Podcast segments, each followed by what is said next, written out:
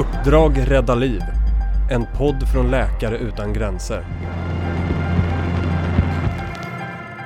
Hej och välkommen till ett nytt avsnitt av vår podd där våra fältarbetare delar med sig av sina känslor och personliga funderingar om humanitärt hjälparbete.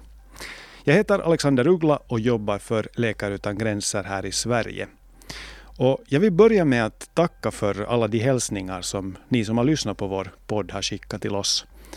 Jag levde mig in fullständigt, kommenterar Åsa på Instagram. Det var ett avsnitt som handlade om vår läkare som arbetade mitt i ett mässlingsutbrott ute i djungeln. Och Petra skriver Wow, sådana utmaningar. Så intressant att höra. Det avsnittet handlade om vår sjuksköterska som till vardags förhandlar med gerillaledare i Centralafrikanska republiken. Fortsätt väldigt gärna att skicka in era kommentarer och berätta vilka tankar podden väcker hos er. I det här avsnittet ska ni få träffa en av våra mest erfarna svenska fältarbetare. Hon åkte ut på sitt första uppdrag för hela 23 år sedan. Sjuksköterskan Anneli Eriksson, välkommen. Jätteroligt att ha dig här. Tack så mycket. Med tanke på din långa erfarenhet har du själv beskrivit dig någon som en dinosaurie inom Läkare utan gränser. Eh, då vill jag förstås veta vilken dinosaurie identifierar du dig mest med? Åh, det, nej, det vet jag inte. Det är inte dinosaurier rex i alla fall. men, men det är någon växtätande tror jag i alla fall. Ja. Jag, jag börjar själv tänka på, kanske på en brontosaurus. Skulle kunna vara. Skulle en, kunna en ganska vara. stor respektingivande. Men det är, det är den där med taggar på ryggen. Den har taggar, men det är en Mm. väldigt vänlig dinosaurie nämligen. Ja, då tar vi det då. Vi tar det den. blir bra. Vi ska inte tala om dinosaurier desto mer, utan vi ska tala om någonting mytomspunnet, någonting skräckinjagande, men också i viss mån hoppfullt, nämligen sjukdomen ebola. För som ni säkert har sett i nyheterna under sommaren så pågår det ett tills vidare relativt litet ebolautbrott i nordöstra Kongo-Kinshasa. Och du Anneli har nyss kommit tillbaka från det här området. Du var på ett akutuppdrag i ungefär en månad i det här området. Äh, jag menar, nu har vi redan kramats när du kom hit till, till kontoret och, och när vi hälsar på varandra. Men hur är det när man kommer tillbaka från ett ebolaområde? Hur förhåller sig folk till en? Vågar de ta dig i hand? Är de rädda för dig? Det är ju en sjukdom som väcker rädslor bland, bland många och, och även här i Sverige där vi, vad jag vet, aldrig har haft ett enda ebolafall så, så vet ju många om sjukdomen och, och man, man tar liksom ett steg tillbaka. Må, många gör det. Sen, vi vet ju det och vi har ju kramats som sagt. Vi vet ju att så länge, även om någon är, eh, även om man har arbetat med ebola, om man har tagit hand om sjuka, så har man gjort det på ett bra sätt så är ju risken väldigt liten att man skulle vara smittad. Och även om det skulle vara så illa att någon kommer tillbaka och är smittad så, så, så blir man ju inte, man smittar ju inte någon annan om man inte själv är sjuk. Om man inte själv har feber och mår dåligt. För det är då som viruset finns i kroppen. Det är då som man kan börja smitta andra. Så därför så, även om du har varit ebola, kommer du tillbaka och mår bra och är frisk och känner dig frisk så är det ju ingen fara. Då ska man ju kunna vara som vanligt, krama sina vänner, sin man, sina barn precis som vanligt, klappa sin katt och så vidare. Hur tungt var det rent sådär känslomässigt, det här uppdraget? Jag, jag, jag jobbade i, i Liberia för fyra år sedan med det ebolautbrottet som pågick där. Och, och allting är ju relativt på något vis, men om jag jämför så var ju det här ett uppdrag som var mycket mer... Eh, ja, men det fanns mera hopp och vi hade mer kontroll och vi var många aktörer på plats som jobbade och för, att, för att stävja utbrottet och förhoppningsvis stoppa det så fort som möjligt. Även om det, det pågår ju fortfarande idag och varje dag så kommer det Eh, så, så har vi nya människor som har smittats men det är ändå under en, det är mycket mer kontrollerat. Idag så är det tror jag 150 personer totalt som har blivit smittade. Och, och i Västafrika för fyra, ja, tre år sedan blev det ju innan det tog slut och så var det ju tre, nästan 30 000 till slut som hade blivit sjuka. Så att det går ju inte riktigt att jämföra och på det sättet så var ju det... Vi ska återkomma till eh, situationen i Kongo-Kinshasa lite senare, men jag tänkte att vi, vi, vi börjar där i Västafrika, som Mm. du nämnde. Eh, Västafrika, Liberia 2014. Antalet smittade ökar explosionsartat. Läkare utan gränser är i princip ensam att bekämpa det dödliga viruset. Vad möter dig när du kommer fram till Liberia? Det, det, det var väl ett mindre kaos kan man väl säga nästan. Läkare utan gränser gick ju också på knäna. Man, man behövde in fler personal, man såg hur, hur, situationen höll på att gå överstyr. Och det var ju inte bara i Liberia. Man jobbade ju redan för fullt i Sierra Leone och på flera platser i Guinea. Så att man, man letade desperat efter fler från Läkare utan gränser som kunde snabbt sätta sig in i hur jobbar man med ebola och hur, liksom, för, för, att kunna utvidga verksamheten. Minns du den stund när du fick samtalet ja, om att åka? Och jag kände väl lite det att ja, men om, om, inte, om inte jag säger ja, vem, fast, vem, ska då, vem ska då åka eller vem ska säga ja? Så jag, jag, ringde och, och liksom sa att ja, men jag, jag har en månad, det funkar ju. Det funkar nog. Men, och först så och då passade alltså, det inte ebola riktigt. var en ny sjukdom för dig i princip? Ja, det var en ny sjukdom. Ja. Ju närmare vi kom, för varje briefing vi gjorde så förstod vi mer och mer allvarligt i situationen. Och när vi väl var på plats i Liberia och skulle börja arbeta där, då kom vi till ett eh, stort center, 11.3, som precis var nyöppnat. Man hade öppnat några dagar tidigare.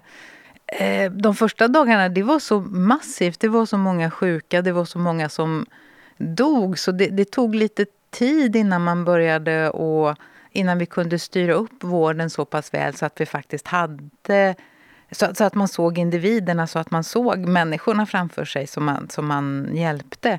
Efter några dagar så, så kommer jag förstås ihåg Lucy, Emanuel, Alfred och andra. Men till en början så var det verkligen ett överfullt center med väldigt många sjuka och väldigt mycket behov som vi liksom kämpade allt vad vi kunde för att kunna bemöta. Då. Till exempel Lucy och Emanuel. Berätta kort om dem. Ja, Emanuel minns jag ju särskilt. Han kom, det var egentligen en av de, eh, de som var sjuka i ebola, en av våra patienter som jag träffade eh, när, jag, när vi redan hade varit på plats i några veckor. Och efter ett tag så såg jag ju det, att de, de som kom in och redan mådde jättedåligt, redan kräktes, hade diarré, jättehög feber, inte orkade äta. Att vi visste att även om vi försökte allt vad vi kunde så var chansen kanske väldigt liten att de faktiskt skulle överleva. Och då kommer jag ihåg Emanuel för att han, han var precis en sån patient. Um, men han var samtidigt uh, en, en, nej men en liten kille. Han var 14 år, precis som mina tvillingar var då. Och uh, när han kom så var han precis så där sjuk. Och jag vet, jag hjälpte honom jag gav honom mat, han kräktes, jag tvättade honom, hjälpte honom att byta kläder och allt det här. Och han... Eh, ehm, han, ja, för han tyckte det var ganska jobbigt. Alltså det är ju pinsamt. Du kan tänka själv, 14 år och inte kunna ta hand om sig själv. Och så vet jag att han, han frågade lite. Han frågade har du några sådana som, eller känner du några sådana som jag? Eller har du någon som jag? Ehm, då sa jag, ja, men jag, ja, jag har två, sa jag. Två som är som du och en som är lite yngre. Då. Eh, och då, då, såg jag att då blev man lite lättad sådär. För ja, men då vet du hur det är. Eller då kunde han liksom relatera till mig. Och, då, och så, efter ett tag så frågade han om man kunde få kalla mig mamma. Och det är inte, alltså det är inte mamma på det sättet. För mam, mamma, mamma Anneli eller pappa, pappa Jack eller så. Det, det, är ett sätt att uttrycka sig. Och jag var så ja, ja det kan du väl göra. Men sen vet jag när jag skulle gå därifrån så, så ropade han på mig igen. Och så, och så och så då sa han bara det, mamma, jag är så rädd. Och, oh, liksom. Och, um, nej, men så då, då stannade jag kvar och satt med honom ett tag och höll honom i handen och sådär. Och sen, och, då,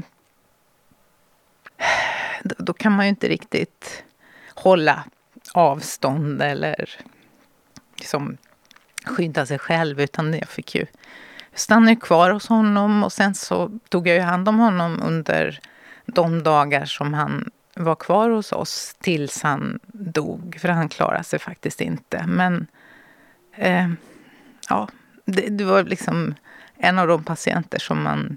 Som, jag kommer ju inte att glömma honom. Och det var ju inte för att för att det var ett lyckligt slut, att jag gjorde en hjälteinsats, utan det var mer för att man Ibland så blir det ju så att man... Ja, men det är någon som liksom tar sig in under skalet på en av, av olika anledningar. Ofta kan det ju vara så där att det är någon som, som får en att förstå vad det verkligen handlar om. Att det är någon som skulle kunna vara ens egen son, skulle kunna vara ens egen bror. Eller att, ja. och, och det, jag tror det, det, är, det är viktigt. Det är viktigt att, att det händer, att man tillåter sig att faktiskt bli så personligt berörd. Men det är också viktigt att kunna arbeta på och försöka att liksom behålla sin professionella inställning samtidigt. Men i, i eh, just under ebolautbrottet och just i, i Västafrika så tror jag det var det som vi alla kanske kämpade allra mest med för att det var så, så, så många människor som var så sjuka och så många som faktiskt också dog. Den här berättelsen om, om Emanuel så jag sitter också här och försöker hålla tårarna tillbaka för det, det är någonting som jag har hört många berätta om hur otroligt svårt det är när man känner igen någon på något sätt liksom känner en väldigt nära koppling till den som, som man försöker hjälpa eller vårda. Hur, hur, hur hanterar man det där? Liksom hur, det handlar väl, om jag förstår det rätt, handlar det mycket också om mänsklig värdighet. Du sa att han, han på något sätt lite skämdes över att vara så sjuk eller att behöva så mycket hjälp. Hur, hur hanterar man det där som människa, de känslorna?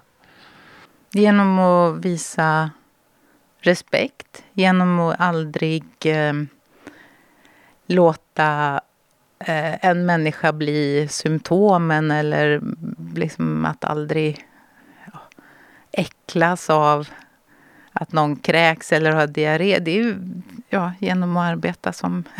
genom att vara en bra sjuksköterska på det sättet kan man väl säga. Jag vet inte. Ja. Hur länge var du där och hur, hur orkade du? Hur länge orkar man i en sån här insats? Det, det, är ju ganska korta uppdrag med ebola. Man, man är ofta, ofta så brukar man vara iväg i en månad, kanske max sex veckor just om man arbetar med patientvård och så. Jag, var, jag tror jag var iväg en månad ungefär för den gången också. Och när du kom hem, vad, hur kändes det? Hela tiden när jag var i, i Monrovia och jobbade där så hade man ju Fienden nummer ett var ju ebolan, det var ju viruset och det var ju det man hela tiden arbetade för att skydda sig själv ifrån. Jag vet inte, men jag, liksom, jag satt åt någonting på flygplatsen i Köpenhamn tror jag och så bara det slog mig att nu, nu är det ju jag, nu är det jag som är Alltså, den som faktiskt människor kanske blir rädda för. Och precis så var det ju. Och jag hade nog inte riktigt och folk var förstått rädda för den. Dig. Ja, inte, inte uttalat och inte alla. Men det är klart att det, det, fanns ju en rädsla. Det var en del incidenter. Det, liksom... Om vi förflyttar oss tillbaka till nutid igen. Den 1 augusti i år så utlystes ett ebolautbrott i provinsen Nordkivu i, i Kongo-Kinshasa på gränsen mot Uganda. Och jag tänkte jag ska fråga lite om dina upplevelser där, men jag tänkte före det alldeles kort kanske en liten faktaruta om, om ebola. Vad är ebola egentligen? För även om många av oss har läst mycket om ebola, framförallt på grund av den stora epidemin i Västafrika, så kanske alldeles kort, alltså ebola är ju det en virussjukdom för det första. Den upptäcktes första gången 1976 i närheten av floden Ebola i Kongo-Kinshasa, därav namnet förstås. Hur blir människor smittade? Varifrån kommer smittan till människan? Vi tror att det är eh, en, en slags fladdermöss som förmodligen bär på viruset. Och sen någon gång ibland så blir det en, en överföring helt enkelt av viruset från, från djur till människa. Men sen när då det här fallet noll, som man brukar prata om i, i epidemiologiska sammanhang, när den personen har blivit sjuk, sen efter det så fortsätter viruset att vara smittsamt i människan. Och då, smittas det, då smittar den som är sjuk eh, genom allting som lämnar kroppen helt enkelt. Genom svett, genom eh, saliv, kräkningar, diarréer, urin och så vidare. Eh, men, men det smittar inte, det är inte luftburet, det smittar inte i vattnet och sådär. Utan det är just den som är sjuk som är smittsam. Och dödligheten ligger väl i snitt på cirka 50 procent har jag förstått. Stämmer det? Ja, det, det, är något sånt. Jag är osäker på... Det, det, är olika från gång till gång men, men det är väl där den har legat ungefär. Och det var den här dödliga sjukdomen som du åkte till Kongo-Kinshasa, Nordkivu, provinsen för att arbeta med, eller snarare emot, eh, här nu under sommaren, i slutet av sommaren. Ehm, det här är ju den tionde epidemin i Kongo-Kinshasa av ebola, men det är första gången som, som sjukdomen förekommer i just den här provinsen. Det som gör det extra svårt är att just här pågår ju en väpnad konflikt sedan 1990-talet och det gör att säkerhetsläget är dåligt och det är svårt att ta sig fram där, vilket också gör att det är svårt att, att spåra smittan. Eh, hur mycket såg du av de här utmaningarna i ditt arbete där? Vi, vi arbetar ju väldigt nära tillsammans med, eh, med, med folk som hade varit länge på plats och som kunde kontexten och som visste och som kunde liksom eh, jobba med tillträde, access och, och, kolla vart kan man åka, vart kan man inte åka idag och sådär. Så på det sättet så var ju vi som var där för att svara mot ebolautbrottet, vi var ju lite Eh, vi, vi, vi, vi åkte ju dit vi kunde åka och gjorde det vi kunde göra utifrån det någon annan styrde på det sättet. Så att vi var ju, vad ska man säga, säkerhetsmässigt väl omhändertagna. Så att vi behövde ju inte hela tiden fundera på Ja, är det här för farligt? Kan vi åka dit? Är det möjligt? Utan vi, vi hade liksom ramar att rätta oss efter på det sättet. Men vilka var de konkreta riskerna som ni måste liksom minimera? Vad, vad, vad var det farligaste som kunde hända i en sån konfliktzon? Alltså det finns ju områden som vi överhuvudtaget var, liksom inte kunde åka till för att det, det, är för farligt för att det är hela tiden attacker och eh, liksom det sker hela tiden överfall på vägar och sådär andra områden, som de områden som vi reste till, som Mangina, eh, Makeke och så vidare, där, där visste vi ju det att, att eh, det är en sak att, att röra sig liksom på vägarna dagtid men efter mörkrets inbrott så, så är det inte säkert längre och det händer, det händer kidnappningar, det händer attacker. Det, det är människor som bli dödade på de här vägarna. Så vi, vi fick ju inte lov att resa nattetid till exempel då, utan vi var ju tvungna att vara på plats liksom, när, vid mörkrets inbrott. Eller strax efter. Mm. Vad gäller just ebola och egentligen vilka sjukdomar som helst, men framförallt en, en smittsam sjukdom, så är information väldigt viktigt. Och i det här området som då inte har haft en stor ebola-epidemi tidigare, som vi känner till åtminstone, eh, så finns det väldigt lite information hos befolkningen. Hur tog de emot dig och vår insats där när vi kom dit för att säga att nu ska vi bekämpa ebola? Alltså det är inte unikt bara för att det, det, var precis här och det är en konflikt som pågår. Men i alla situationer när du har den här typen av, e, liksom av utbrott av, av en svår sjukdom så, så uppstår det rykten och, och, och man riskerar att, att människor vänder sig emot hjälparbetarna. Att, alltså, man vad, ser vad som, då? ja, men liksom, nej, men man, man tänker att nej, men, aha, allting var bra här och sen kom de där och nu har vi ebola. Ja, men då kanske det är, det är väl de där som har haft med sig ebola hit. Och så, och så riskerar man ju att bli liksom, lika med fienden som, som man blir väldigt eh, ehm, fientligt inställd gentemot dem som är där för att Vad gör man i en sån situation? För jag menar, om, man inte, om ingen litar på oss och, och misstror oss, så vad, vad, vad gör man då? Och det vi gjorde då, det vi hade gjort innan men det vi arbetar med ännu mer, det var ju att eh, liksom ta hjälp av, av de, de auktoriteter som människor litar på. Så vi jobbade med, med eh, eh, ja, lokala auktoriteter, kyrkan, myndigheter, eh, hälsopersonal, alla, de som folk lita på i, största allmänhet, att, att tillsammans med dem formulera budskap och att det var de som eh, eh, arbetade med hälsoupplysning och, och förklarade precis hur, vad är ebola, varför ska man skydda sig, varför ska man söka vård? Jo, för att både få vård själv men för också skydda dina anhöriga så att inte de blir sjuka om du blir sjuk och så vidare. Då. Och mycket av det jag sa kanske, det skulle ju vem som helst kunnat säga men i och med att om man, om man har varit med om ett utbrott tidigare, om man har sett sjuka så kan man liksom hela tiden man kan ju relatera till och man kan förklara att jo men så här och så här och det hände och när vi gjorde det så blev det bättre. Och det gör ju... Alltså, det gjorde ju att de, de läkare och sköterskor och, och, även annan personal som jag utbildade och informerade, att de liksom tog mig på allvar på, på ett annat sätt tror jag, än om man inte skulle ha sett något av det här själv. Då. På vilket sätt skiljer sig det nu pågående mindre ebolautbrottet i Kongo-Kinshasa från den stora epidemin i Västafrika? Det är säkert många saker, men vad tycker du är den stora skillnaden? Den, ja, för mig så är det ju just att eh, att omvärlden reag har reagerat snabbt. Och det har man ju gjort efter, alltså i Västafrika, det som ehm, Alltså en epidemi blir ju så stor som man låter den bli på något vis. Och ska du stoppa den så ska du göra det snabbt i början när det bara är ett fåtal smittade. Det är ju då som det inte blir någon epidemi, eller åtminstone inte någon stor då. Men i Västafrika så var det, det var ju inte riktigt... Um, det var ingen som förstod att det skulle kunna bli så allvarligt som det blev. Först så var det ju, tog det ju tid innan man faktiskt eh, insåg att det var ebola eftersom det var en helt ny sjukdom eller som man aldrig hade liksom, sett eller kände till hade funnits i det här området innan. Men sen var det också det där att men många Många tänkte att ja, men det brukar ju inte bli så stort. Ett ebolautbrott brukar ju hålla på några veckor och så är det över. Det brukar vara kanske, ja men du vet, ett fåtal smittade. Och så tog man det inte riktigt på allvar. Och första halvåret så var det inte, det var inte så mycket resurser som lades på det här. I jag Västafrika alltså? Nej, precis. Ja, men, och jag tror nu, det här är mina... Men, men som till exempel Världshälsoorganisationen tog väl inte, de, de satte inte fokus på det här utan jag tror att man ansåg att ja, men MSF, Läkare utan gränser, är ju där, de jobbar med det, det ordnar sig, det, tar nog, det går, går nog snart över. Och sen när det började rulla igång, när det blev så här kaosartat som det var i Liberia, det som hände då, det var ju att alla alla försökte ju ta sig därifrån. Ingen hade ju...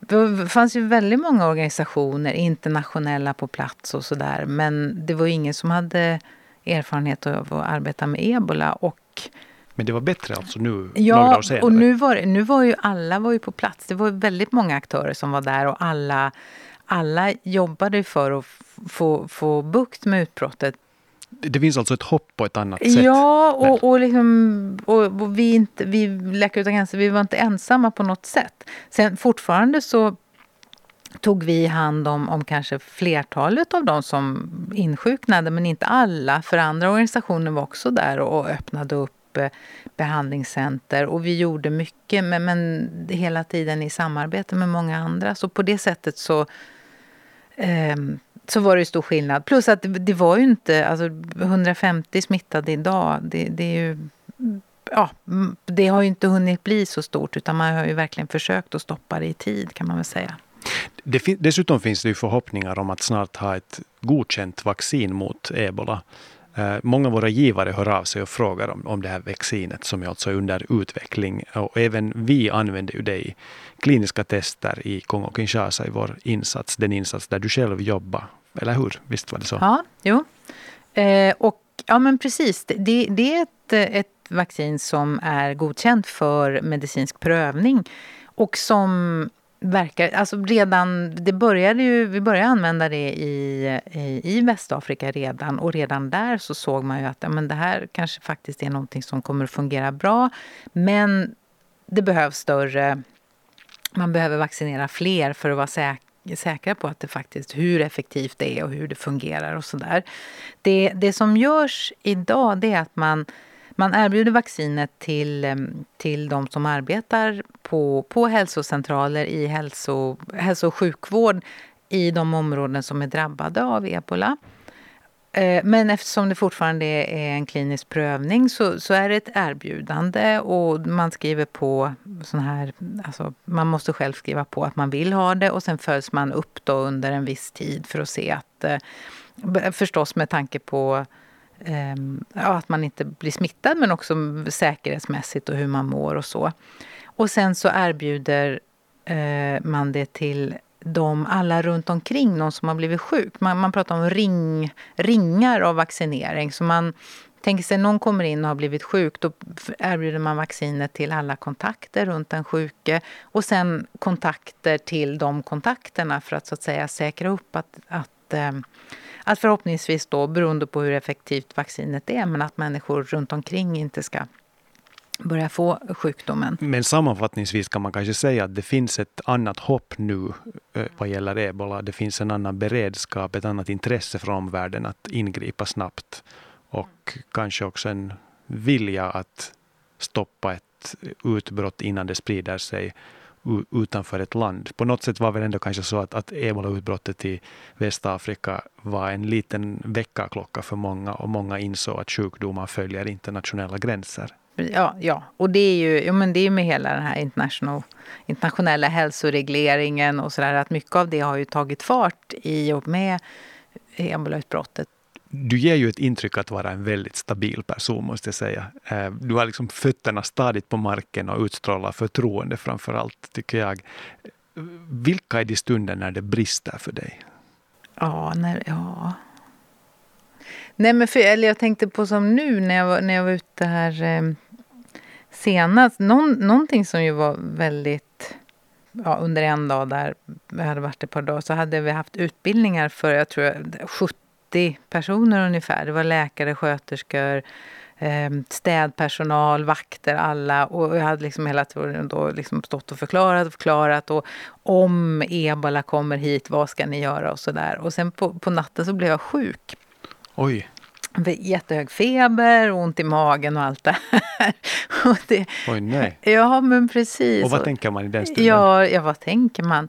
Jag, jag, alltså jag hade ju inte varit med om något tillfälle där jag kunde sådär tänka att nej men, oj, tänk om jag har blivit smittad. Jag kunde inte komma på något tillfälle när jag skulle ha utsatt mig för någon risk. Men samtidigt så kan man ju inte veta säkert. Så det är klart att det skulle kunna vara man, man är ju rädd själv i början och sen när jag hade pratat med eh, Chiara som var eh, medicinsk koordinator i, för ebolainsatsen och som lugnade mig rätt mycket och sa att det här är ju säkert någon, någon... Du har ätit någonting dåligt, liksom. det är någon magbakterie och nu ska du vi, vi avvaktar några timmar, du får börja med, med penicillin och annat och så ser vi om det blir bättre eller sämre. Och liksom, behövs det så evakuerar vi och så kör vi hela kittet. Behövs det inte så blir det bra och sådär. Så jag var väl lite lugnare men jag, jag, alltså jag kände mig ju så... Um, eh, alltså man, man är ju väldigt ensam och just det där när man själv blir isolerad och alla är rädd för en. Och så tänkte jag just på de här, alla de här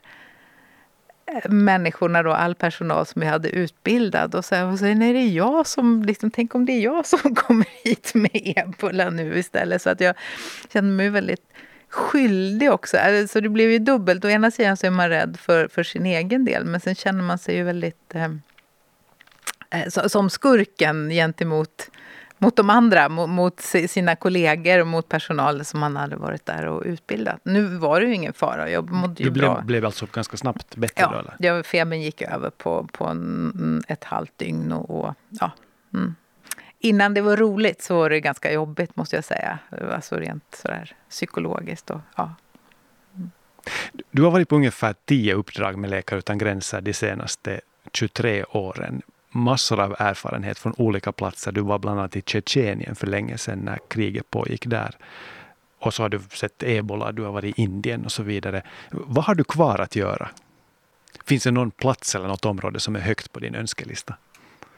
Det, det, för jag har alltid sådär, jag skulle gärna vilja åka tillbaka till platser jag har varit på för att jag är nyfiken på hur det har blivit och hur det har gått och sådär. Men, eh, men samtidigt så är jag öppen för förslag.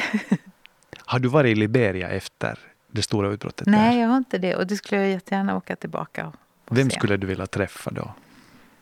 Jag skulle, ja, nej, men jag skulle ju vilja träffa en del förstås av de patienter som blev friska.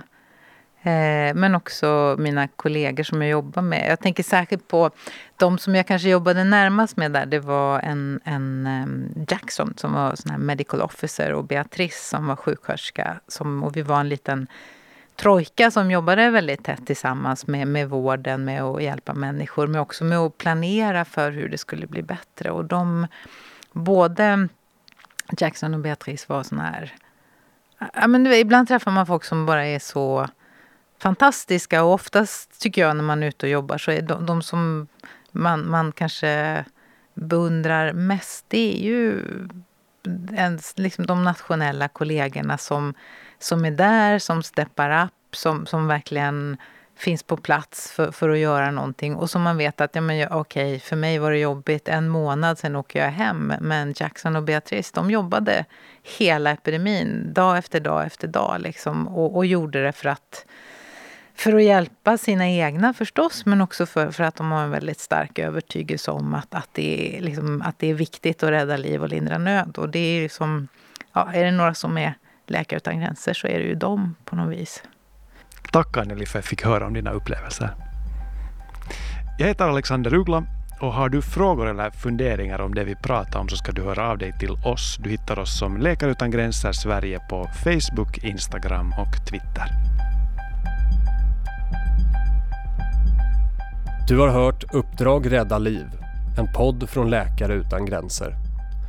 Podden gjordes av Katinka Agneskog, Sonja Leister och Alexander Uggla. Ansvarig utgivare är Oliver Schultz. Tack till Roll the Dice och Peder Mannefelt för musik och lån av studio. Vill du höra fler avsnitt? Du hittar dem där poddar finns.